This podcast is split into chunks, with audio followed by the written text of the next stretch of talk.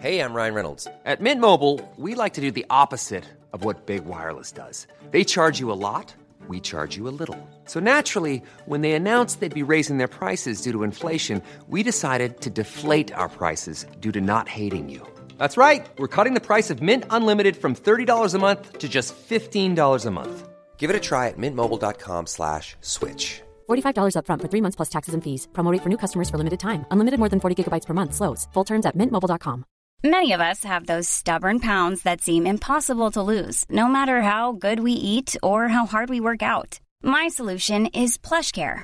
PlushCare is a leading telehealth provider with doctors who are there for you day and night to partner with you in your weight loss journey. They can prescribe FDA-approved weight loss medications like Wagovi and Zepbound for those who qualify. Plus, they accept most insurance plans. To get started, visit plushcare.com slash weight loss. That's plushcare.com slash weight loss. Everyone knows therapy is great for solving problems, but getting therapy has its own problems too, like finding the right therapist, fitting into their schedule, and of course, the cost.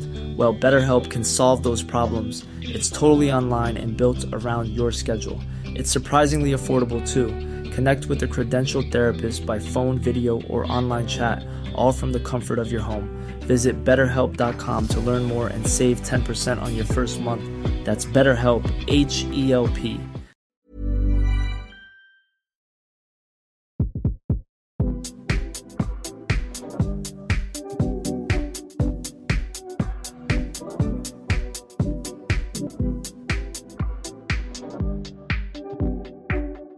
Nå, dere, så sitter jeg på et nydelig kjøkken med havutsikt over hele Hva skal jeg si? Over hva heter det vannet? Oslofjorden. Oslofjorden.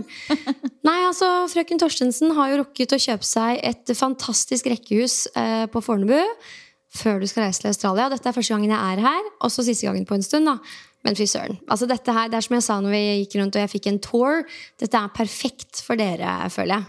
Ja, det er veldig oss. Jeg føler at uh, ofte når man flytter og tar store valg, så er det litt sånn at man går rundt med litt sånn uggen magefølelse. Litt sånn var det riktig? Føles det riktig? Føler jeg meg hjemme her? Altså når jeg flytta fra Oslo til Fornebu, for eksempel, så hadde jeg litt sånn kjærlighetssorg i et år. Uh, bare i det å flytte ut av byen. Mens her var det sånn, vi flytta inn, helt kaos, men likevel jeg bare kjente at her er jeg hjemme.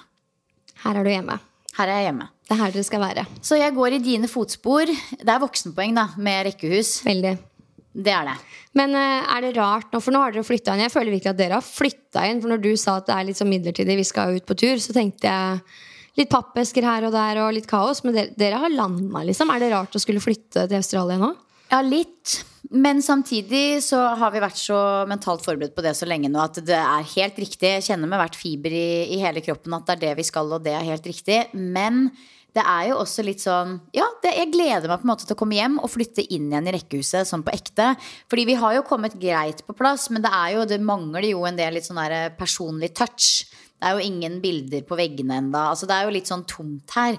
Fordi vi har ikke lagt inn en vill innsats sånn helt enda. Men neste høst, da skal vi på plass. Da skal det svinge. Da skal det synge. Nei, så gøy. Jeg er veldig glad for at jeg fikk kommet hit før dere reiser. Nå er vi snart midtveis i desember. 17. desember. Da skjer det. Da reiser jeg. Klokka ti så tar vi av fra Gardermoen mot Australia. Ah, hvor, mange mellom, altså, hvor lang er den reisen, og hvor mange mellomlandinger? Jeg har ikke egentlig nesten orka å sette meg inn i denne turen denne gangen. Men jeg tror vi har en ganske grei eh, reise, faktisk, med én mellomlanding. Og det er veldig digg. Oi, ja, det, jeg trodde det var Nei, sånn vent, det er to. Ja. Det er først en tur til København, og så videre København, en mellomlanding, og så ja. Så det er to, men, og det er en lang reise. Det er, det er ikke 30 timer, liksom, men det er ikke langt unna. Oh, ja. Men herregud, når man skal være der et halvt år, så er det liksom Da får det være greit. Ja, det er verdt det. Nei, det er veldig koselig å ha det her, Pia. Jeg prøver, jeg har liksom prøvd å invitere alle kjente og kjære hit en tur før jeg, ja, før jeg drar. Så det er liksom det som vi snakka om sist uke òg, at man må senke terskelen litt for å ha besøk. Absolutt. Selv om det er litt kaos, så er det alltid hyggelig med besøk. Der er du veldig flink. Jeg blir inspirert. Og hvis noen skulle være i tvil, så kommer vi til å fortsette å podde når Silje er i Australia. Vi har gjort det en gang før, når Silje var ute og reiste i, i ni måneder. Så hun tar med seg opptaker og mikrofon og setter seg på de rareste steder. Eller kanskje ikke like rare steder nå, i og med at du skal være på ett sted. da Så podder vi hver uke. Det blir sikkert noen artige tidspunkter. Det må vi faktisk snakke om. Fordi det er sånn Hvis det klokka er ni om morgenen hos meg, så er det ni på kvelden hos deg. Ja, Men det har vi fått til før, så det ser jeg for meg at vi skal få til igjen. Ja, du har jo bare masse fritid og flex eh, 24-7. Så bare flekse, flek, flekse down under i et halvt år. Ja, det er jo faktisk litt, litt diverse jeg skal drive med, men det er likevel Målet er jo at jeg skal ha mer fritid. Og det, det blir uvant, men det tror jeg blir veldig bra. Og det er jo også litt sånn Litt, litt kanskje motivasjonen eller bakgrunnen for tematikken i dag også. Det er veldig sånn det jeg er veldig oppi akkurat nå. Det handler veldig om dette med å liksom bli enda bedre kjent med mine egne kjerneverdier. Hva som er liksom det aller, aller viktigste for meg. Hva det er som eh, gir mening eh, i mitt liv. Da. Jeg er litt sånn, føler jeg er midt oppi en sånn prosess akkurat nå, og da, da blir det snakk om ditt tjeningspodden, da, vet du. Ja. Det er, noe, det er ikke noe å lure på. Og det er jo, men det er en veldig sånn, fin prosess å ta med seg selv. For det er ofte sånn når man går og famler litt i blinde, kjenner på en uro, noe er gærent, enten bare ved livet generelt, eller kanskje vedrørende en spe spesifikk beslutning eller, um, eller en situasjon, da er det ofte noe som går litt på akkord med det som er verdiene dine. Kanskje uten at du vet det helt selv. Så ved å ha et tydelig forhold til de verdiene dine, så kan det være litt lettere å navigere i sitt eget liv i forhold til hvilke valg du skal ta for din egen del, men også hvilke mennesker du skal omgi deg med, hvilke beslutninger du skal ta. Alle mulige sånne ting. Det er rett og slett et veldig viktig og godt styringssystem å ha med seg. Ja, det er det. Og så syns jeg det er veldig naturlig å legge til rette for nettopp litt refleksjon rundt dette her nå litt sånn på tampen av året. Sånn at det kan bidra til å guide deg i, riktig retning inn i 2024. Fordi eh, i den prosessen for min egen del nå, så har det blitt sånn at jeg snakker jo mye med folk rundt meg om dette her. Eh, og alle er jo egentlig veldig opptatt av det. Det er bare at jeg tror ikke man tenker så mye over det fordi livet er så travelt ellers at du du, du, setter deg aldri ned pauser, setter deg ned med penn og papir og, og, systematiserer og finner ut av det. Det er liksom bare litt sånn Det går i, ja, det går i et så hakka kjør for de fleste av oss. Da. Så jeg tror det er lurt å sette av litt tid jeg, nå i, i, desember til å pause litt. Liksom tenke at ok, jeg jager eh, mål og prestasjoner og resultater året rundt ellers. Både på trening og på jobb og kanskje eh, når det gjelder personlig utvikling. Men nå skal jeg pause, lene meg litt tilbake og reflektere for at jeg kan kaste meg ut i det nye året i riktig retning. Absolutt. Lev vel. Jeg tenker det. Lev vel! Det er jo nettopp det. Har du fått noen kommentarer på, på tatoveringa di? Jeg har liksom bare sånn juksegodt ut med det. Uh, for jeg, jeg, la det, jeg, la det, jeg, la det, inn i vloggen, og så sa jeg det i poden. Eh, og ikke så mye utover det. Jeg har ikke lagt ut på Instagram. Jeg bare sånn, se på den råfete tattisen min. det er bare for meg selv. Og når jeg sier det til poden, så føler jeg at jeg bare sier det til den innerste sirkelen. Og så følte jeg måtte sende det til mamma og pappa og si sånn, jeg har tatt tatovering. Og de bare sånn ja, ja, de skjønner ikke greia i det hele tatt. Nei, de gjør ikke det. Nei. Nei, Men, uh, det, men det trenger de ikke å skjønne heller. Nei, nei, nei. Altså, I don't care at all. Hvis det var opp til meg, så hadde jeg kanskje ikke sagt det til noen, men jeg måtte det, for det er jo en artig greie å gjøre. Synes jeg, da. Så jeg eh, står veldig godt til det. Det kjennes veldig riktig. Og hver gang hver gang jeg har vært på yoga, enten med deg eller noen andre, jeg har de stundene for meg selv, eller leser noe som inspirerer meg, er i situasjoner hvor jeg føler meg som meg sjøl, så er det alltid et sånn sterkt behov for å ha det et eller annet sted. Nå har jeg det, og det kjennes veldig riktig ut. Og det representerer jo i, mange, eller i stor grad mine verdier, det å ha det på armen. For det minner meg selv på å leve i tråd med den jeg har lyst til å være. Mm. Men så hadde det ikke vært riktig å liksom skrevet ned de konkrete verdiene som jeg har nå. fordi de kan endre seg, og det er viktig å understreke. Og det skal vi komme inn på i dag også. Det som er viktig for deg nå, er ikke nødvendigvis viktig for deg om fem-seks år. Men eh, det å ha noe som minner deg på å ta deg tid til deg selv, dykke inn i deg selv, spørre deg selv er det livet jeg lever nå, er det riktig for meg? Det er fint. Og da, enten du er yogainstruktør eller har en tattis, bare et eller annet som minner deg på å gjøre det. det er akkurat det. Det er akkurat det. Nei, jeg eh, Altså, ja. Nei, jeg, jeg syns det er veldig gøy at du gjorde det her, Pia. Og for dere som ikke har hørt det siste ukes episode, så har jo Pia da endelig booka seg en time på Drammen tatoveringsstudio og tatt seg en tatovering. Og den tatoveringen er på håndleddet, og det er en lev vel-tatovering. Mm. Og det stemmer, akkurat det du drev og skrev i, eh, i boka di på skolen når du var eh, yngre. Oh, jeg elsker det. The basic bitch is alive. Men eh, herregud, før vi liksom dykker inn i verdiarbeidet, som kan være litt sånn, ikke tungrodd arbeid, men det er litt sånn, da er vi litt ute på dypet. La oss bare henge litt på overflaten først. Åssen henger den? Har du trent i dag? Har du trent den økten din som består av to øvelser? Og så I dag så ble Tre, til og med den økta som jeg har på torsdager som består av to øvelser, ble skrapa ned til én. Ja, men ikke sant? Jeg elsker det. ja, nei, men det kom litt av at jeg Nå er jeg jo i litt sånn prosess med at jeg er inne de to siste ukene mine med gruppetimer. Og i forbindelse med det så inviterte jeg hun som skal overta Zoma Move-timen min etter jul, til å holde en Team Teach-time med meg i dag. The pressure. Ja, nei, altså jeg tenkte bare at det er liksom fint for de som er disse faste folka som er på Zoma-timen hver eneste uke, å møte denne personen. Sammen med deg. Ja, det var Ja, veldig fint tenkt. så vi kjørte en Team Teach-time, og da blei det ikke sånn kjempemye tid til overs til å trene selv. Men uh, det er veldig rar tid jeg er inne i nå. Jeg føler at liksom denne høsten har jo vært veldig rar eh, på mange måter. At jeg hadde en sånn veldig sånn stressende periode med salg av leilighet og alt dette her først. Og så har jeg hatt en veldig sånn oppturperiode nå. De siste to-tre ukene har vært veldig sånn derre Masse driv, masse motivasjon, masse overskudd og veldig sånn derre Jeg er på riktig sted i livet og liksom føler med hele meg at uh, jeg lever mitt beste liv. Og så kom det litt som en sånn der, vet ikke, litt sånn blåmandag denne uka her. Hvor det bare var litt sånn derre Jeg vet ikke, det var akkurat som jeg fikk eh, virkeligheten litt sånn opp i trynet. Eller sånn skikkelig sånn reality-check på en eller annen måte. I form av at eh, Herregud, nå har jeg liksom denne timen for siste gang i år. Dis, disse menneskene skal jeg ikke se på kjempelenge. At det det er veldig sånn her runde av-prosess. Si ha det til folk. Altså, jeg var nesten Jeg var kjempeemosjonell nå på tirsdag når jeg hadde tirsdagstimene mine. Eh, og liksom bare sånn, det er sånn rart å liksom være inne i en periode nå hvor jeg ikke runder av, men setter på pause de tinga jeg elsker mest i livet, som å undervise i yoga. da. Så akkurat det kjenner jeg jo at blir eh, rart, men samtidig så vet jeg jo at det er veldig bra for meg. Jeg vet at det er veldig bra for meg, og det er egentlig veldig bra for oss alle sammen å pause litt eh, på de tinga man til stadighet gjør. Eh, Som bare blir en sånn autopilot-del av livet. Men ja, litt sånn er det sikkert i forbindelse med syklus og alt mulig annet, for jeg har hatt masse cravings også, men, eh, men veldig sånn derre Litt sånn der emosjonell uke, rett og slett. Ja.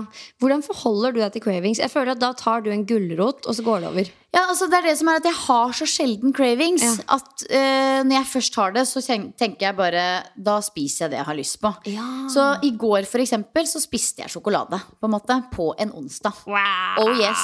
Og det er sånn, og det er ikke noe å være vill og gæren det, men jeg gjør aldri det. Nei, og det er ikke fordi man har noe sånn restriktivt forhold til det, bare fordi det faller en ikke Nei, inn. det, fall, det faller meg ikke naturlig i det hele tatt å kjøpe meg en sjokolade på en onsdag. Men det er sånn, når det en sjelden gang iblant skjer, Mm. så gjør jeg det. på en måte Fordi da skal ikke jeg gå og liksom nekte meg den sjokoladen bare fordi det er onsdag. Hvordan sjokolade gikk vi for da?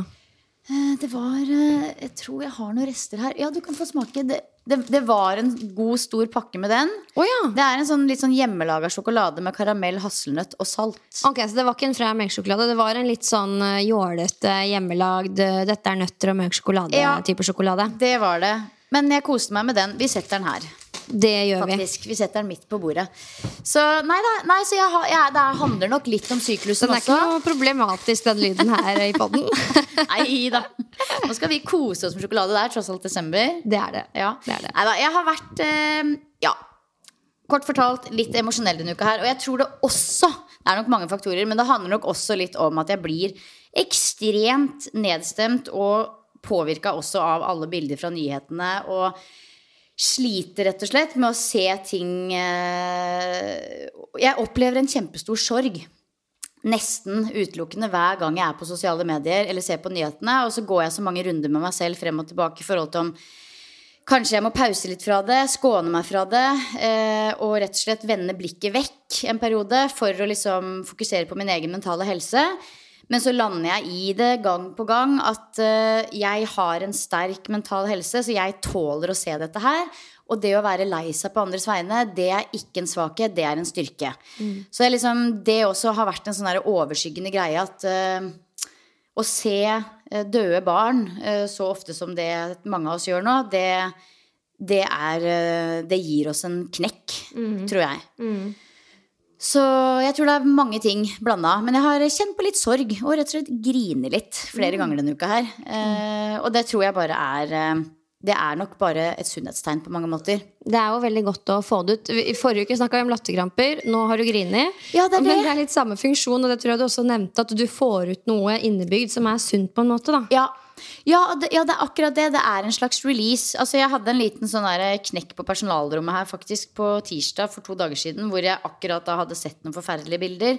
Og var veldig eh, Ja, jeg gråt, rett og slett. Og da endte det jo opp med en fin prat og litt grining, og så ender det opp med at man ler litt, og så blir det en fin greie ut av det. Men jeg tror bare ja, jeg tror ikke man skal være så redd da, for å stå i litt sånn sorg, og at man kanskje mm, det, det er i, At det er litt viktig at så lenge man har den mentale helsa til å tåle å se det, så burde vi fortsette å se det. Mm. Er det jeg har landa i. Så ja. Så, så en rollercoaster, da. Jeg lurer på hvordan nyhetsbildet i f.eks. Australia er prega av det. Det er veldig prega av det der også. Ja, det er ja. For jeg tror at dette her er så utrolig spesielt. Det har, eh, jeg kan ikke huske noen gang å ha sett eh, noe som ligner på dette. Og det Det blir jo Ja, nei, så, så ja. Jeg tror, jeg tror nesten det er umulig å ikke la seg påvirke på den ene eller andre måten. Men eh, men ja, det var jo en litt sånn nedturstart på episoden. Men du spurte hvordan jeg hadde det, og det er nok noe av det som har prega meg litt denne uka her. Ja, Det var jo en god forklaring på hvorfor det bare ble en øvelse på trening i dag. Ja, det var da. Just Men hva med deg, da? Åssen henger den hos deg, Pia? Du, han henger rett ned, litt til høyre. Um, alt er bra. Intet nytt under solen. Utover det at jeg har um, Altså, Jeg har jo alltid et mål om å få inn minst 10 000 steg hver dag. Og det er ikke alltid sånn, det går ikke alltid av seg sjøl fordi man sitter mye stille og jobber hjemmefra. og den slags Eh, Så det var et par dager nå tidligere i uka hvor jeg var sånn Nei, nå er det for kaldt. Nei, nå er været for dårlig. Og hurra meg rundt. Og det er, altså, de dagene du ikke kommer deg ut og ikke får noe frisk luft og ikke ser dagslys, det er sånn du kan ikke alltid peke på hvorfor du føler deg litt uggen, men det er en så sinnssykt tydelig Ja. forskjell når du faktisk klarer å komme deg ut. I det, det ene tilfellet var det på kvelden, da, men bare det å gå, puste frisk luft og få den der lille godfølelsen i lungene av at du liksom har jobba. Det er altså så nydelig, og kanskje viktigere enn noensinne å faktisk fortsette å komme seg ut. Og da er det viktig med godt utstyr. Og det som er helt alfa og omega for meg, det er brodder. Ja. Men ikke sånne tullebrodder. Skikkelig sånn derre 'jeg er en traktor på tur'-brodder. Så mitt beste tips, eh, jeg, skal, jeg skal plutselig dele et tips, det er å gå til en sportsbutikk og kjøpe sånne skikkelig hardcore brodder. For da kan du gå hvor som helst på skogsveier, sette deg brøyta. Altså, det er bare sånn The world is yours når du har de broddene. Og det er veldig deilig når du skal ut og gå med tempo.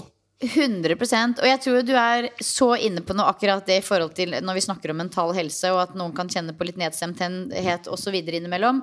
Dagslys. Det er så Det er sånn kjempebasalt, men så viktig behov som man bare ikke må liksom man må ikke legge det til side fordi det er for travelt. på en måte. Det å komme seg ut og få dagslys, det er kjempeviktig.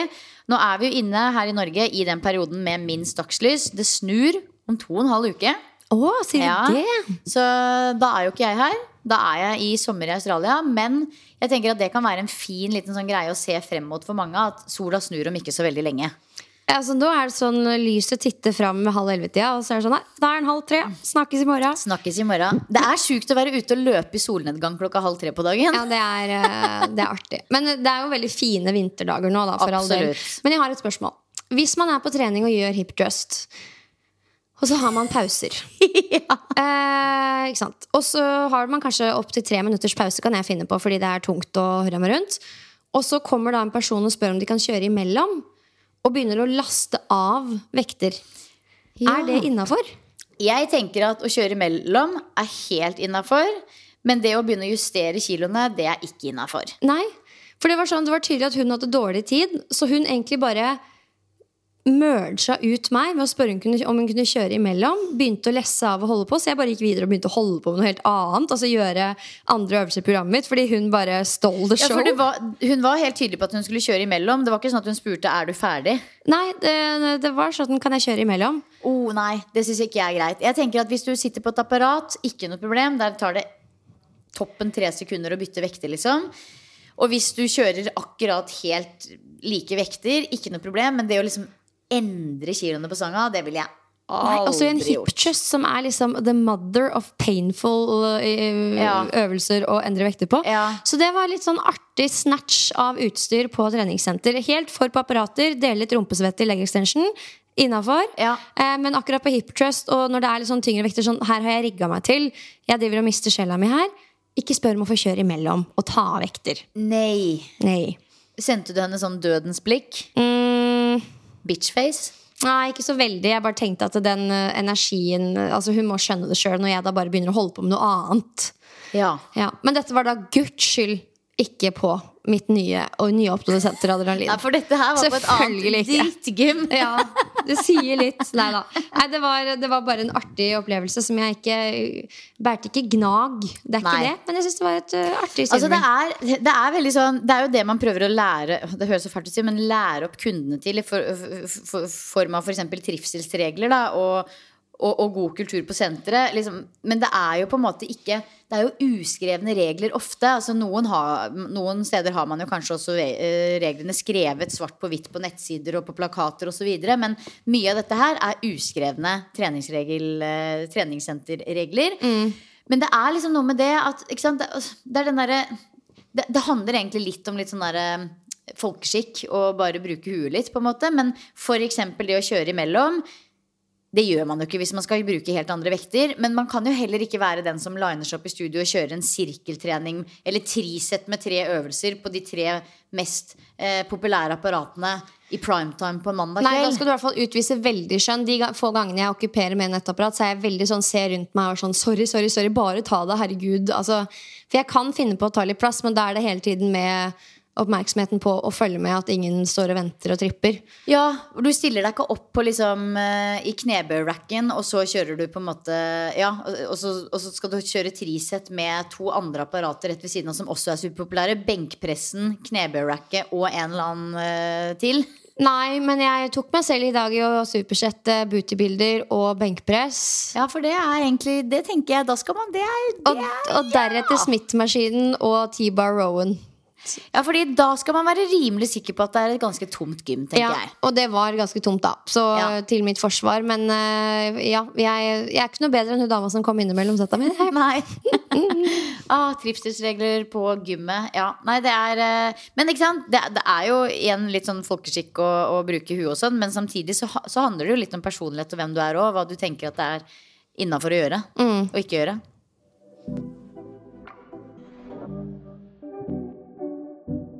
All right. Dette med verdier er noe jeg ble introdusert for når jeg tok utdanning i mental trening eh, hos Raw Performance. Lærte masse om det av Cecilie Ystenes. Og husker bare at det Jeg følte på en måte at jeg, at jeg ble kjent med meg selv. Det var så mye som ga mening i forhold til å opprette dette ja, verdisystemet. da Og har siden det altså ikke brukt det så forbanna aktivt hele tida, men det ligger hele tiden der og hviler. For jeg tror når du lærer noe sånt og begynner å kjenne til det, så er det, det er nesten umulig å slippe det. Ja, det gjør litt inntrykk når man først setter seg litt inn i det. Og det er eh, Jeg tror alle på en eller annen måte blir introdusert for verdier et eller annet sted en eller annen gang i livet, i form av f.eks. verdier på jobb, kulturelle verdier. Eh, ja, verdier i samfunnet osv. Men kjerneverdier er jo på en måte våre personlige verdier.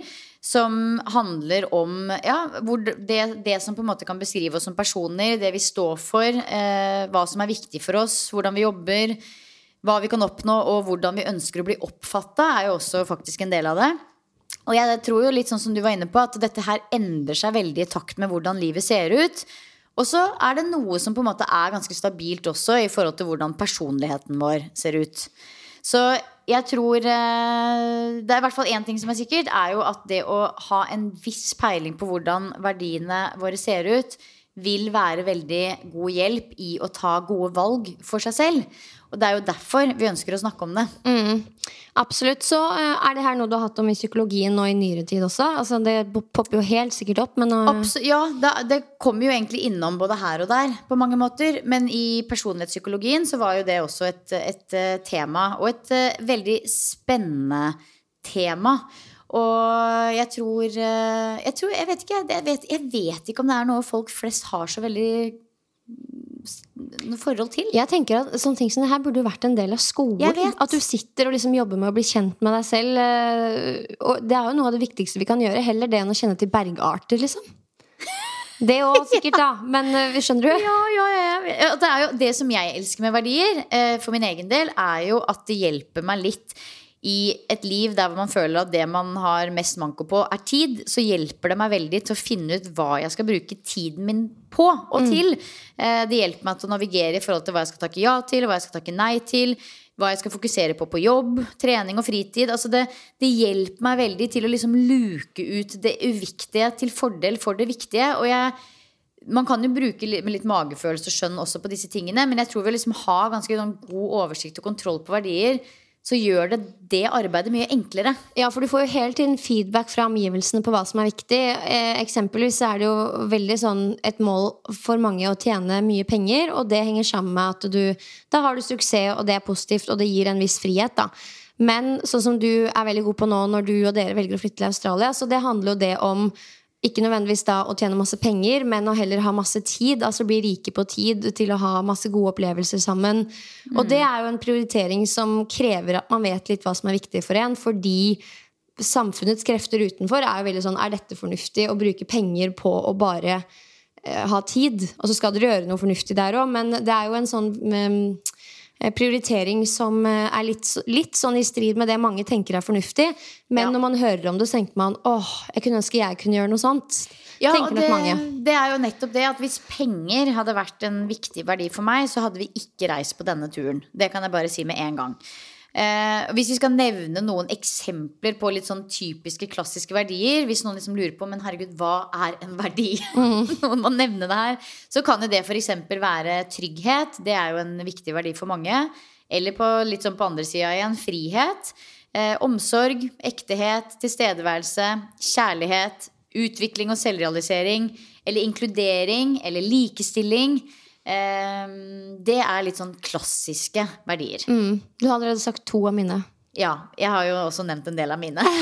Det var liksom det som lå øverst i topplokka her. Men det føles veldig personlig ut å dele verdier. Vi, kan vi gjøre det? Har du lyst til å gjøre det, eller blir det litt for meget? Jeg kan dele noen av de, i hvert fall. Ja, og det er jo ikke sånn at man finner opp hjulet på nytt og bare sånn sjuke ord og ting. Det er ofte gjerne sånn begreper som, øh, som alle har et forhold til. Og det er jo sånn det er jo viktig for oss alle, men det her handler om å sette det litt i system. Og være sånn, ja, men dette er det viktigste for meg, og dette innebærer det for meg. ikke minst Ja, og det er så viktig det du sier der, å sette det i system. For jeg tenker at idet jeg nå nevnte denne listen, så tenker alle sånn Ja ja, alt det her er jo viktig for meg. Kanskje alt det er mine verdier.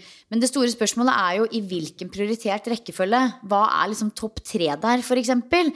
Eh, og for min egen del så kan jeg jo si at det som er eh, eh, helt i bunn, faktisk, som jeg får på alle mulige sånne der, eh, type, ja, personlighetstester eller eh, type core value navigators og test, tester og sånne ting som du kan gjøre på internett. Altså Det er helt i bunn, men det er en verdi. det- Nei, det er, Nei, det er nei. noe som jeg går og tenker at er viktig for meg, men så er det ikke viktig for meg. Trygghet. At det går litt i takt med det, men tradisjoner. Ja. Og det er sånn, Dette her snakka jeg med mannen min om eh, tidligere i uka. For da snakka vi litt om dette her med verdier. Og jeg var sånn Jeg, jeg har sånn lyst til å være en sånn person som har tradisjoner som en sterk verdi.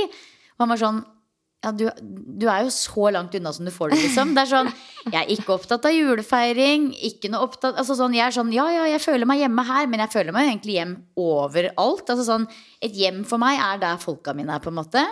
Bryllup. Aldri drømt om bryllup. Eh, ikke noe opptatt av liksom de klassiske tradisjonene. Selv om jeg, jeg liker å se på meg selv som en sånn person som hedrer røttene mine, hedrer tradisjonene.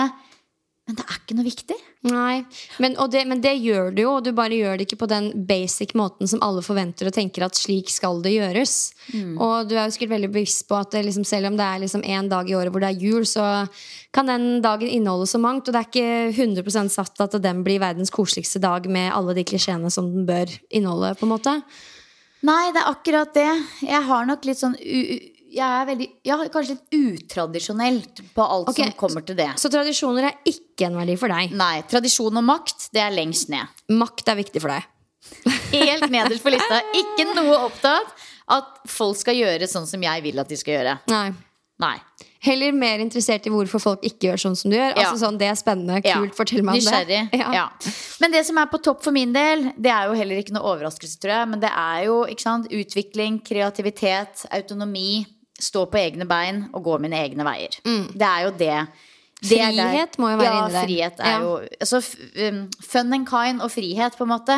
Det å ha det gøy og være fri og ikke liksom bundet opp til så mye, Mm. det er jo viktig for meg. Og det gjenspeiler seg jo også veldig i forhold til den veien jeg har valgt å gå i forhold til jobb. Eh, flekse rundt og være en fri fugl.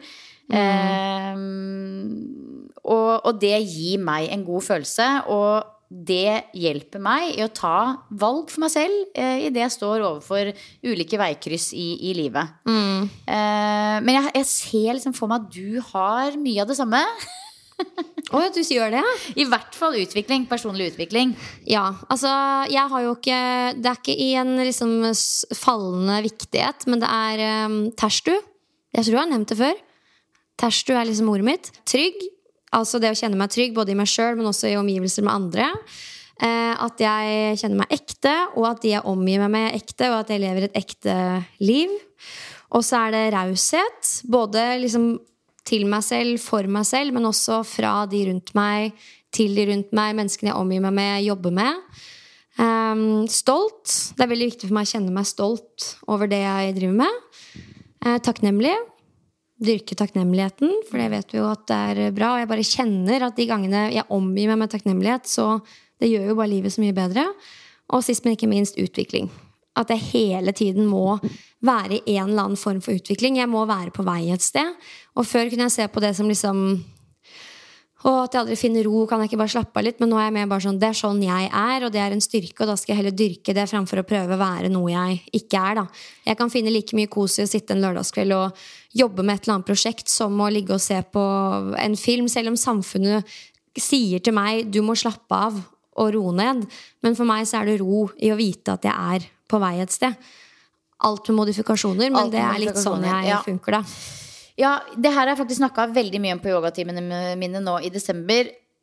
Senest i dag. Akkurat dette her med eh, Ja, med at vi, vi jakter jo hele tiden på resultater og prestasjoner og det nye og det beste. Og det er bra, for det er utvikling, og det vet vi at uh, booster mennesket. Men eh, akkurat i desember, og det kjenner jeg også at det, jeg tror vi har godt av å sette på pauseknappen litt akkurat nå. Det er ikke nå vi skal sette inn støtet, liksom. Selv om jeg kjenner jo på det også at jeg er sånn Jeg skal bare nå de jævla måla først, og så skal jeg sette på pauseknappen. Ja. Hvis du skjønner Men at det er faktisk lov nå å senke skuldrene. Og sånn, det er jo nesten litt ubehagelig, men litt sånn, bevege seg i litt sånn ubehagelig, rolig tempo for å kjenne litt på der man er og det man har. Og det handler jo også om takknemlighet, egentlig. Det å liksom ikke hele tiden jakte på det neste, men kunne sette på pauseknappen og være litt takknemlig for det vi har akkurat nå, og der vi er akkurat nå. Ja, for det er jo ikke sånn at jeg jager noe i det hele tatt. Og utvikling i likeså kan være for meg å liksom lese en bok om et eller annet, eller snakke med Simen om noe, eller ha en viktig krangel. Altså, men jeg, jeg må bare ja, jeg prøver, ja, eller jeg prøver kanskje å finne ut av ting hele tiden, og hele tiden bli, om ikke bedre, så i hvert fall hele tiden komme nærmere den ekte meg. Altså være i utvikling på den ene eller den andre måten.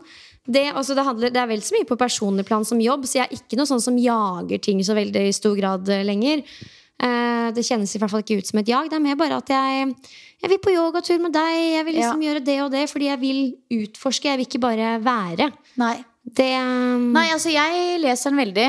Uh... men jeg, jeg er 100 enig. Men må- ja, for det er, det er liksom begge deler. Og det er akkurat nå i desember så prøver jeg også selv å liksom minne meg selv på at uh, Altså, det er også et viktig element i yogafilosofi som heter apigraha, non-attachment, som handler om å ikke ta eller ønske seg mer enn det man trenger. Eh, og det handler også om og eksempel når det gjelder å gå på en yogatime eller gå på treningsstudio, så kan det f.eks. være at du går dit for praksisen og treninga i seg sjøl, men ikke med tanke på resultatene. Og det er så sykt mye frihet i å kunne kjenne det. At vet du hva, i dag så har jeg bare dratt hit fordi jeg hadde lyst til å gjøre yoga. Det handler ikke om at jeg har lyst til å bli smidigere, sterkere eller eh, sove bedre. Det handler om at jeg bare er her for gleden i praksisen i seg selv. Og det samme prøver jeg å si til meg sjøl på trening. At liksom sånn, jeg er her fordi? Det er ikke nødvendigvis fordi det er bra for meg, men fordi at jeg setter pris på aktiviteten i seg selv.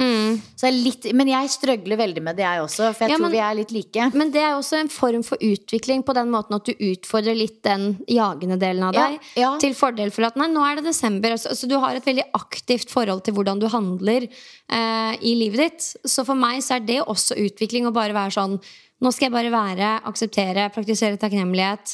Så kanskje det handler med, ja, like mye om bare at man er veldig til stede og tar eh, aktive valg, da. Ja, er bevisst på disse tingene. Ja, men eh, jeg kan veldig ofte kjenne enten i forholdet mitt eller på jobb hvis ting står stille og jeg stanger, så er det fordi det er ikke noe utvikling, eller det er ting jeg har gjort for lenge, noe må endres. Altså jeg må Ja. Og så finner jeg ro med en gang ballen begynner å rulle igjen. Ja.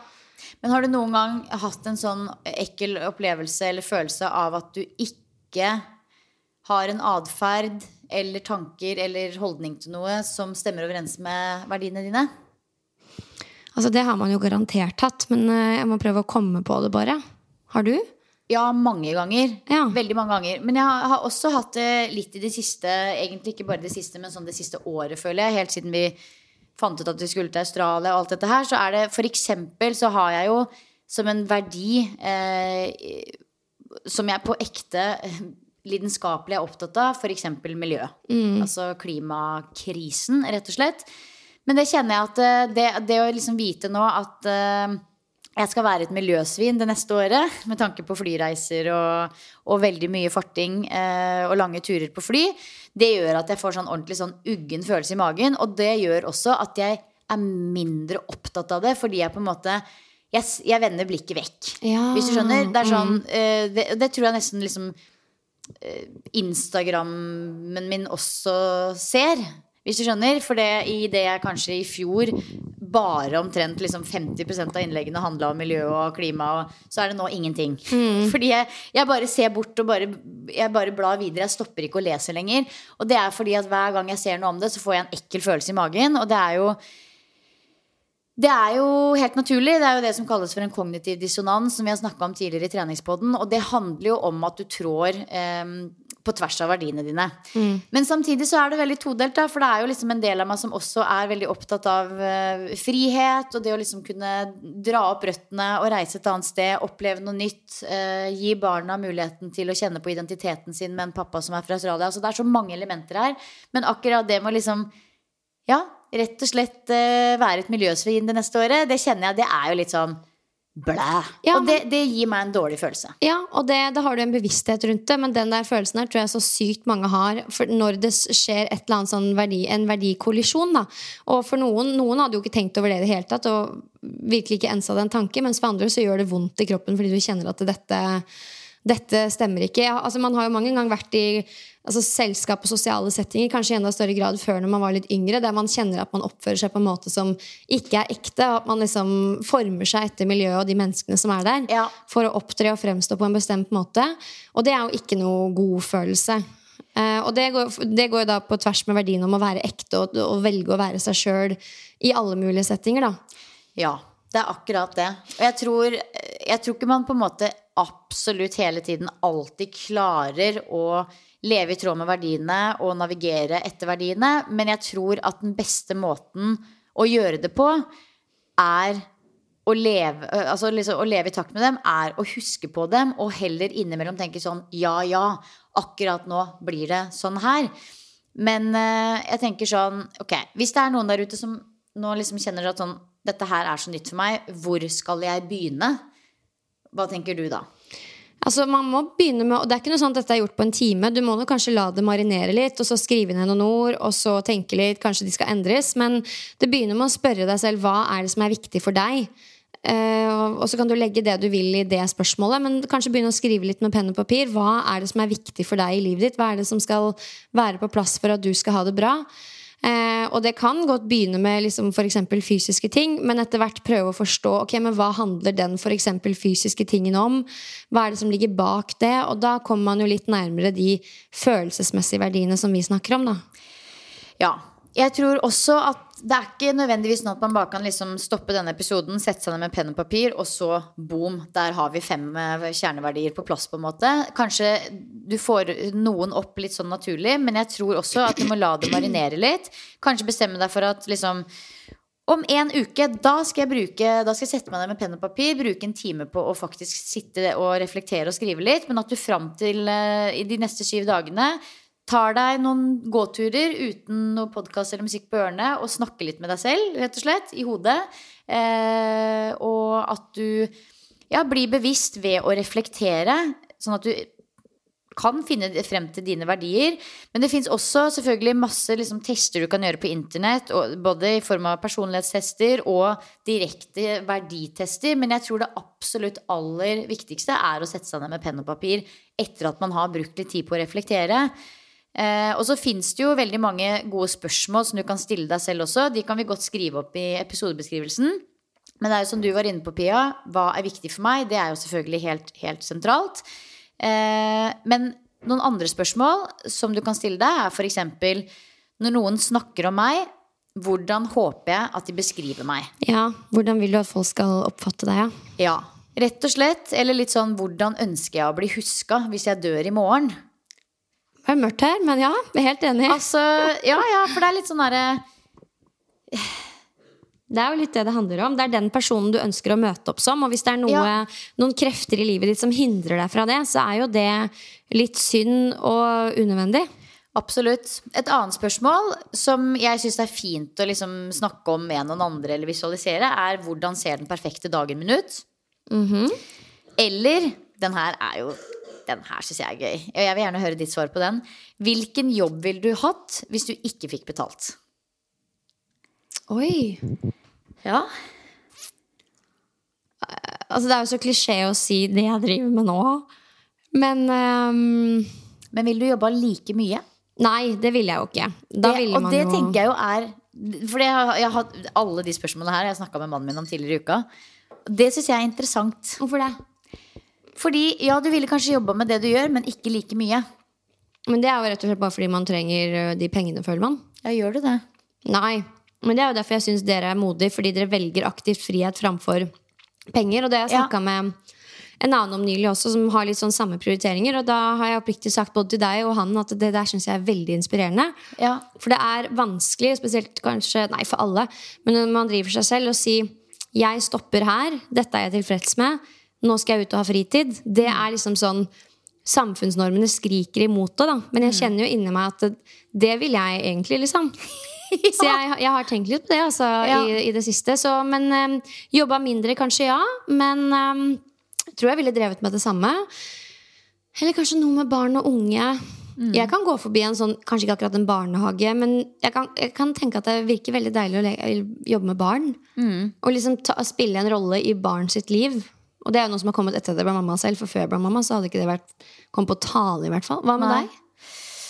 Eh, jeg kunne tenkt meg å jobbe som yogalærer. eh, for det gir meg altså så utrolig mye tilbake. Det gir mer enn det tar. Men jeg ville jo ikke jobba så mye som jeg gjør, jeg heller. Men jeg kunne nok, hvis, jeg, hvis det var sånn at liksom, eh, jeg hadde smør på brødskiva og mat på bordet, og jeg ikke trengte å tenke på penger, så kunne jeg nok kanskje tenkt meg å ha hatt en jobb hvor jeg jobba med f.eks. dyr. Eh, altså sånn Drømmescenario er jo liksom å i sommersesongen eksempel være på en eller annen sånn seter med masse geiter eller 20 kuer.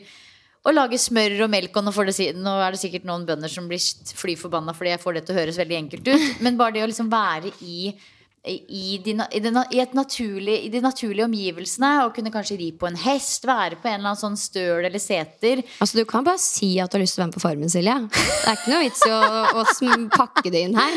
Å, jeg hadde jo elska å være med på Farmen, men Det da helst du. uten TV. Jeg ville ikke vært med hvis det var TV involvert, og da blir det jo vanskelig. Ja. Men uh, gjerne hvis det er noe Farmen-opplegg uten TV-produksjon, så er jeg med. Det er det garantert. Ja, Nei, så Det er litt sånn, det tror jeg, det hadde jeg elska. Eller et eller annet i hvert fall som var utendørs, i naturen. Om det er å jobbe for Turistforeningen og sette opp sånne blå merker. Det skal jeg gjøre når jeg blir pensjonist. Ja, så liksom Eller rett og slett bidra for de som trenger det mest. Altså, jeg var i Oslo i går, og da så jeg det sto en haug med frivillige og delte ut eh, mat til narkomane og trengende. Og da tenkte jeg bare sånn Herregud, det er jo ingen grunn til at ikke jeg skal gjøre det. på en måte Eller være med de eldre. Altså, det er ja, jo en gruppe ja, som så jobbe for Frivillighetssentralen, følge de som ikke har noen til legen. Altså sånn, ja, Mm. Bidra med noe som er meningsfylt i enda større grad enn det vi gjør nå. Men jeg tror nok at jeg ville beholdt jobben som yogalærer, da. Ja. Selv om det ikke var betalt. Så det er også noe man kan da spørre seg selv eh, om hva man ville brukt tid på hvis ikke penger var et eh, element. Ja, litt sånn når føler jeg meg mest lykkelig og tilfreds? Og fins det noen jobber der hvor du kan drive med det? Og hvis ikke, altså, Man må jo mest sannsynlig beholde jobben sin, men hvordan kan du ellers eller på en annen måte dyrke det behovet? da? Så eh, nå har vi snakka litt om verdier. Det er veldig svevende, men samtidig ganske spesifikt. Ja, for det, det er på ma mange måter spesifikt fordi alle har dem jo. Ja, men det, Man er kanskje bare ikke klar over dem. nei, Og i hvor stor grad man handler etter de og er bevisst på de, det vil jo variere. Ja, veldig. Men jeg tror det å sette seg ned og bli bevisst på dem, få det ned, kanskje skrive det på notater på telefonen, eller tatovere det på håndleddet for den saks skyld, det er balsam for selvfølelsen. Fordi det kommer til å gjøre at du blir for det første veldig godt kjent med deg sjøl og det, dine ønsker og dine behov. Det gjør at du eh, tar bedre valg på vegne av deg selv, og kanskje til og med de rundt deg, og for fremtida di. Og det er jo på mange måter også en del av eh, self-study, altså det å studere seg selv, bli kjent med deg selv, som også er en kjempestor del av yogapsykologien.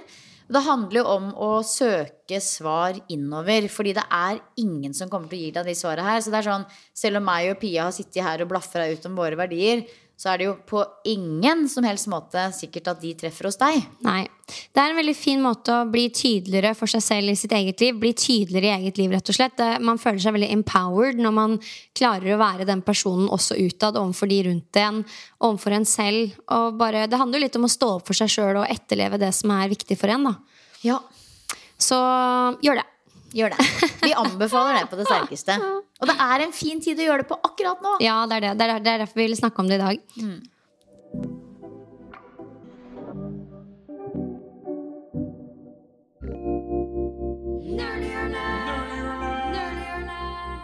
Like the nerds we are. Denne uka er det jeg som skal ta for meg nerdehjørnet. Nerdehjørnet. Nerdehjørnet. Vi beholder den i 2024, eller? Ja, altså jeg føler at det er et- av de beste valgene vi har tatt ever. Vi er så fornøyd med Nerdhjørnet. er så fornøyd. Ja, vi er jo det. Og det jeg tenkte å snakke om i dag, handler egentlig Det er ganske sånn tett linka opp mot hoveddelen i dag om kjerneverdier. Jeg tenkte å dele en eh, veldig, veldig, veldig kjent teori, som jeg tror du også har hørt om, Pia, om eh, menneskets grunnleggende behov. Eh, Det er Abraham Maslows behovspyramide. Og den er jo veldig kjent innenfor eh, bl.a. motivasjonspsykologi. Og ifølge Maslow så er det sånn at vi har eh, en behovspyramide som består av fem ulike nivåer. Som er på en måte da ja, fem ulike nivåer. Starten med så er det to, tre, fire og fem. Og behov nummer fem er veldig tett linka opp mot verdiene våre og alt det vi har snakka om i dag. Så hvis jeg tar det litt steg for steg, så har vi behov nummer én. Her har vi fysiologiske behov, altså søvn, mat, tørst. Det helt basice, kanskje også litt dagslys inni der. Og så har vi behov nummer to. Trygghetsbehov, altså det å føle seg trygg, sikker, beskytta. Sånn som vi er så heldige at vi Ja, vi har hatt mye trygghet her i Norge. Det er det ingen tvil om, sammenligna med mange andre steder i verden. Behov nummer tre, sosiale behov. Det å kjenne på tilhørighet og kjenne på kjærlighet. Eh, føle at man hører til. Behov nummer fire er anerkjennelse, så da handler det litt om f.eks. litt sånn jobb og, og karriere og status og selvaktelse. Og så har vi behov nummer fem, som er selvrealisering. Som handler da om personlig vekst og ja, spiritualitet, rett og slett. Eh, og det er jo? Det indre behovet vi har for kunnskap, kreativitet, utfoldelse, selvrealisering og ikke minst opplevelser. Fordi ehm, det å være menneske, det handler ikke på en måte bare om å spise, drikke, ha sex og gå på jobb. Det handler også om å ha tid og overskudd til å dyrke dine egne interesser.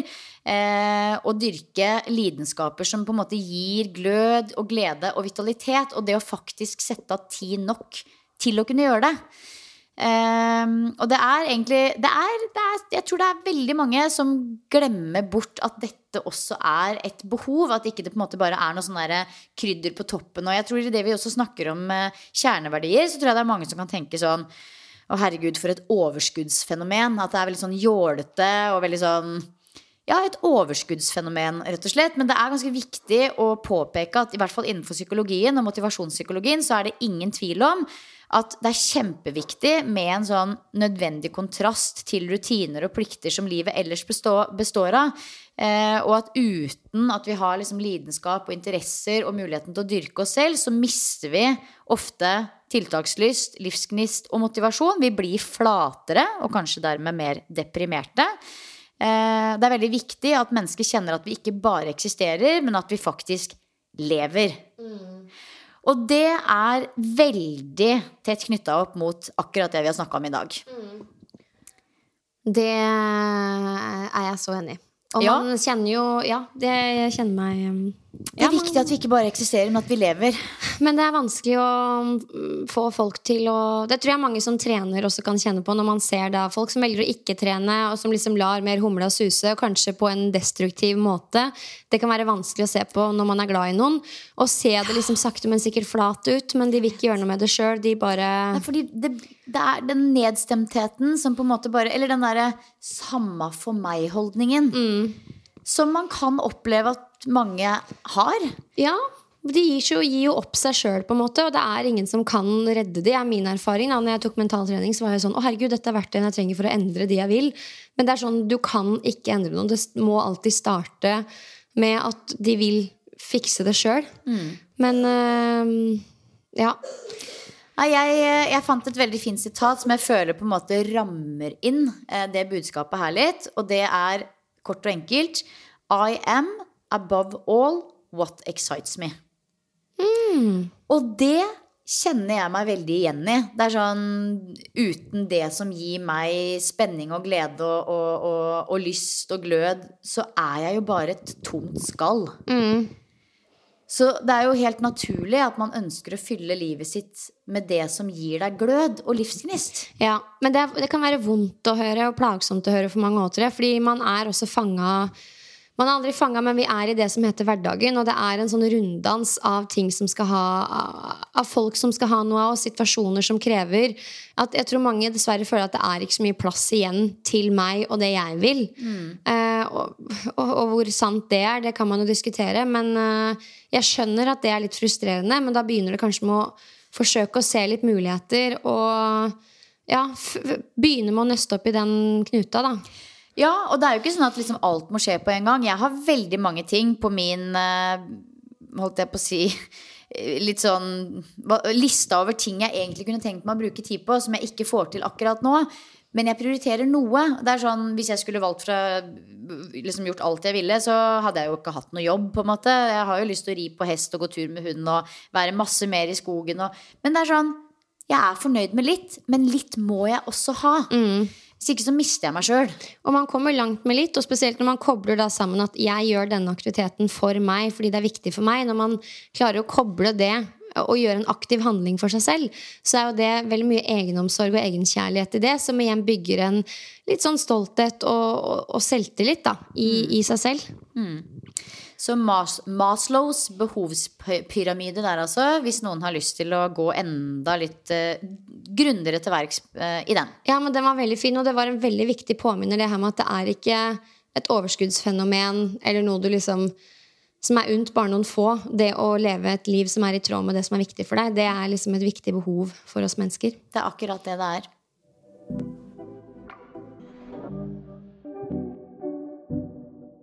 Ukas boost. Det er et ord og en greie som jeg tror veldig mange har et forhold til akkurat nå. Riss, riss, risse. Risse. Nei, det er det nye ordet som på en måte har blitt et ord i 2023. Ok. Du vet kanskje hva det betyr? Nei. Ok, Jeg har en ung sønn i huset. Sven, hva betyr ordet risse? Ordet risse, hva betyr det? Det er vanskelig å forklare, men det er et helt nytt ord som har blitt lansert som et ekte ord i år. Oh. Det blir- brukt masse på sosiale medier visstnok, og i låter også, men det betyr at man liksom har en eh, karisma som folk digger. At du liksom eh, Visstnok, da. Å nei, nå er det sikkert mange 20-åringer som syns at jeg sier det helt feil, og forklarer det helt feil, men at du liksom har en slags sånn attraktiv karisma. Ok. Ja, Og- Dette var helt nytt for meg. Ja, nei, vet, sorry, Pia. Nå, nå, nå kuppa jeg du boosten din. kuppa hele boosten min, men det syns jeg er helt greit når du kommer med viktig kunnskap som kan hjelpe meg til å ikke fremstå Og nye ord som gjør at vi kan være litt kule. ikke fremstå som en olding. Ja, altså Om du skal risse noen opp, så vil de si at du prøver å flørte med en person og prøver å få dem på kroken. sånn egentlig Men det handler også om å ha en slags type karisma. Å ha en bra riss er et slanguttrykk som brukes om evnen til å tiltrekke seg en partner, spesielt blant unge. Og ifølge Oxford University er riss kåret til årets ord for 2023. Og det kommer trolig fra ordet karisma og brukes som stil, sjarm og attraktivitet. Jaså. Men sånn, er det et verb å risse? Eller er det Jeg tror det er begge deler. Du har riss, da har du karisma. Men å risse opp noen, da prøver du å få dem på kroken. Ok, Dette er viktig informasjon. Når kidsa dine kommer over sånne ting, så må det sendes Altså, til meg i Drammen. Dette ordet fant jeg jo fordi at de driver og hører på sånne russelåter, og da er det en sånn låt Risse opp en bitch. Ok Og da har jeg vært sånn, hva betyr det å risse opp en bitch? Men nå vet jeg det. Ja, og det er jo hyggelig at det er noe så harmløst som Det betyr at du har god karma og sprer eh, støvet ditt på hun jenta der, liksom Å, herregud, men beklager. Jeg trodde på ekte at det var det du skulle si. Nei, men Det sier jo bare litt om eh, at vi har kids i ulike aldre. For mitt ord er rampenissen. Det er veldig gøy! Ja, det var litt artig. å jeg regner med at du ikke har så veldig forhold til rampenissen, Vagen. Eh, nei, det er ikke noe rampenisse. Det, Det er er, ingen noe- tegn til rampenisse her. Nei, det er ikke noe rampenisse som har flytta inn i det gule rekkehuset. Eh, men det, han har flytta inn i samtlige andre hus. Ja. For det er sånn, Du har ikke noe valg hvis du har en kid som går i en barnehage med 14 andre unger som har en rampenisse. Så må du også ha en rampenisse hjemme hos deg. Og heldigvis er det mannen som har tatt over den oppgaven, og han tar den veldig på alvor. Så det er sånn Han gleder seg til Sylvester skal legge seg, for da kan vi liksom finne på eh, morgendagens eh, ramp. da Og eh, jeg bare vil si at jeg er litt stolt av kulturen vår, fordi vi har gått bort ifra den kjøpekulturen med å kjøpe liksom hersens masse kalendergaver, sånn Ja. som vi holdt på når jeg var ung. Vi har også valgt bort litt det godterikjøret som var en periode. Nå opplever jeg at veldig mange barn har da bare gåsehudene den rampenissen. Ja. Og det er jo veldig fint å se foreldre gjøre noe aktivt for å glede barnet på et følelsesmessig plan. 100% Og det gleder jo alle hver. Jeg synes det er dritgøy. Altså, vi gleder oss til å stå opp med Sylvester og se hva han Og syns han om det. eh, gleder seg sikkert veldig til å stå opp, han òg. Ja, ja, litt for mye. Det er sånn fem på natta. Sånn, skal vi stå Er det opp med noe rampenissen? rampelys Ja. Men, eh, så det er eh, veldig fint. Det gir en boost hver dag. En litt sånn felles opplevelse sammen før dagen starter. Og det, det er jo en boost. Ja, det er en boost. Som man også kunne tatt med seg. Det har vært litt stress med helårs rampenisse, kanskje. Men um, Ja. Jeg tror at uh, i dagens samfunn, når vi, vi konkurrerer med så mye skjermer og greier, og hurra meg rundt, så tvinger det oss foreldre til å komme mer på banen i forhold til å, å underholde og engasjere barna. Og liksom holde de tett til oss ved å ha gode opplevelser sammen. Da. ja. Uh, vi er liksom ikke Vi blir ganske tidlig de mindre kule uh, folka i livet deres. Altså, og ikke bare folk, det er liksom mye kulere med skjerm og alle disse tingene. Så jeg tror det er viktig å fortsette å være en forelder som er ekstremt til stede for å liksom sette sitt tydelige stempel på kiden. ja, og skape fine øyeblikk sammen. Ja, Ta de med til Australia, tenker jeg. Altså. Litt av tur til Australia. Bare sånn rolig, sånn helt enkelt, egentlig. Da skal de gjerne basic, til Australia. Helt basic. Men hva, hva med deg? Hva har vært ukas boost? Åh, ukas boost. Vet du, Jeg må bare ta det som har boosta meg rett og slett aller mest, altså. Og det er at jeg har fått meg badekar. Og det- jeg har aldri skjønt hva som er greia med badekar. Å, herregud, jeg er så misunnelig. Og det som er, altså det er sånn her, for det jeg tenker, sånn her, Når jeg ser folk sånn herre å, dempa belysning og sånn badeball som går ut og blir sånn olje og tente lys, og så er jeg bare sånn Hvem har tid til det? Men det har man tid til når man har det hjemme. Og vet du hva du kan gjøre Nå Nå kan du fylle opp badekaret ditt, og så kan du gå og kjøpe masse sånne jålete badeballer. Så kan du filme en Instagram-story at du slipper det nedi vannet. Så bare sprer den seg fint utover. Ja, Det kommer jeg jo aldri til å gjøre, Nei, men det er jo et godt tips. Men altså, det må jeg bare si at dere som har badekar nå er vi badekargjengen, Mm. og det gir altså en så sinnssyk ro å ligge og plaske i det badekaret. Og så er det sikkert veldig irriterende å høre for alle de som ikke har badekar, men eh, jeg husker at før jeg fikk badekar, så var jeg den personen som når jeg skulle booke meg inn på hotell, ringte til resepsjonen og sa hei, jeg har sjekka inn på hotellet, er det mulig å få et rom med badekar? Da føler man seg jo som en prostituert, men det er det verdt.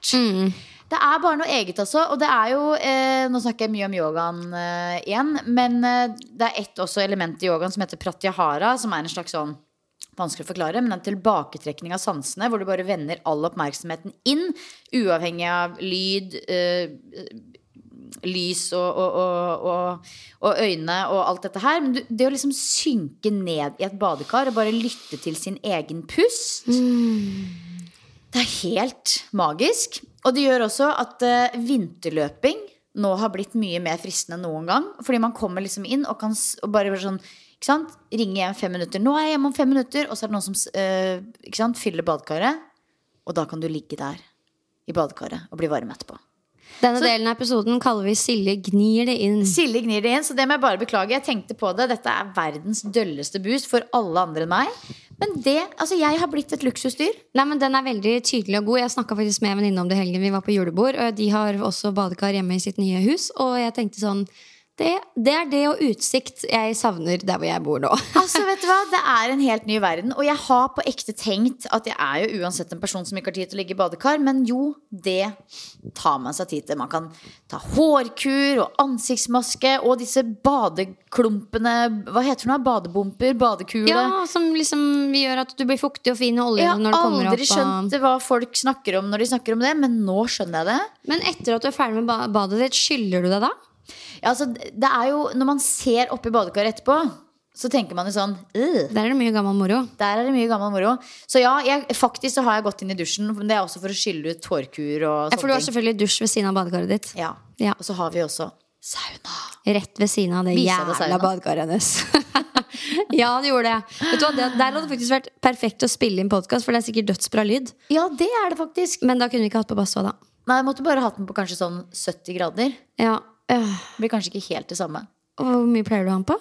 Nei, den går jo opp til sånn 80-85, kanskje 90. Nei, det, jeg tror det går på Jeg har vokst opp med liksom både badekar, utsikt og, og um, badstue. Jeg husker at badstue tok mamma og pappa alltid i helgene før vi skulle kose oss. Og, ja, nei, jeg kjenner jeg savner det. Ja, altså det det er kanskje litt mye informasjon å by på, men jeg har gjort yin-yoga naken i badstua. Det har jeg gjort. Det har du selvfølgelig gjort. Det har jeg gjort. Og det er òg Det er på en måte det neste nivået av luksusdyr igjen, men eh, jeg er der nå. Men har du forsøkt å legge beina høyt opp etter veggen i badstue? Ja. Det er også veldig deilig. 100 Er det noe du ikke har gjort i den badstua? Ikke så veldig mye. Ok, altså Det er ikke lenge du skal bo her før huset var eh, ferdig runde, Det er runda. runda. Runda huset. Ja, nei da, Det er koselig i den badstua og i badekaret. Og ja, jeg skal by på noe mer spenstig bus neste uke, men det har virkelig vært en bus for meg. Ja, men det skjønner jeg. Altså, Vel unt, nå har du fått deg hus, og det er klart at man skal skryte av badekaret sitt. Ja. Vi er hakk i hæl. Ja. Og med det så tenker jeg at vi skal runde av. Jeg skal kjøre til Drammen. I kveld skal jeg ha min første gruppetime på adrenalin. Det blir spennende. Og du skal Hva skal du? ja, det er godt spørsmål. Jeg har ingen store planer. Å, så deilig. Mm. Bare chille. Ja, egentlig. Jeg tror ikke jeg skal ut av huset, i hvert fall. Hva gjør du her hjemme da når du skal chille? Gjør du noe praktisk? Setter Ja, du jeg- deg med mailen, setter du på PC-en, rydder du? Eller er du sånn Setter deg ned og ser en film? Nei, akkurat nå så blir det nok mer sånn orging, fordi vi skal nå si hei og ha det til familie i helga. Så da blir det sikkert sånn pakke gaver, skrive kort. Det blir sånne voksen, voksenting. Mm. Trutle med det, liksom. Ja, det er litt hyggelig, da. Ja da. Til dere som lytter, jeg håper episoden var givende. Som sagt så tenkte vi at um, nå i midten av desember så var dette fint å snakke om. Nå har vi kanskje litt ekstra tid, i hvert fall i romjula, til å lande i oss selv. Så husk på denne episoden, ta vare på dere selv, og så podduser vi snart. Det gjør vi. Vi poddes neste uke. Ha det!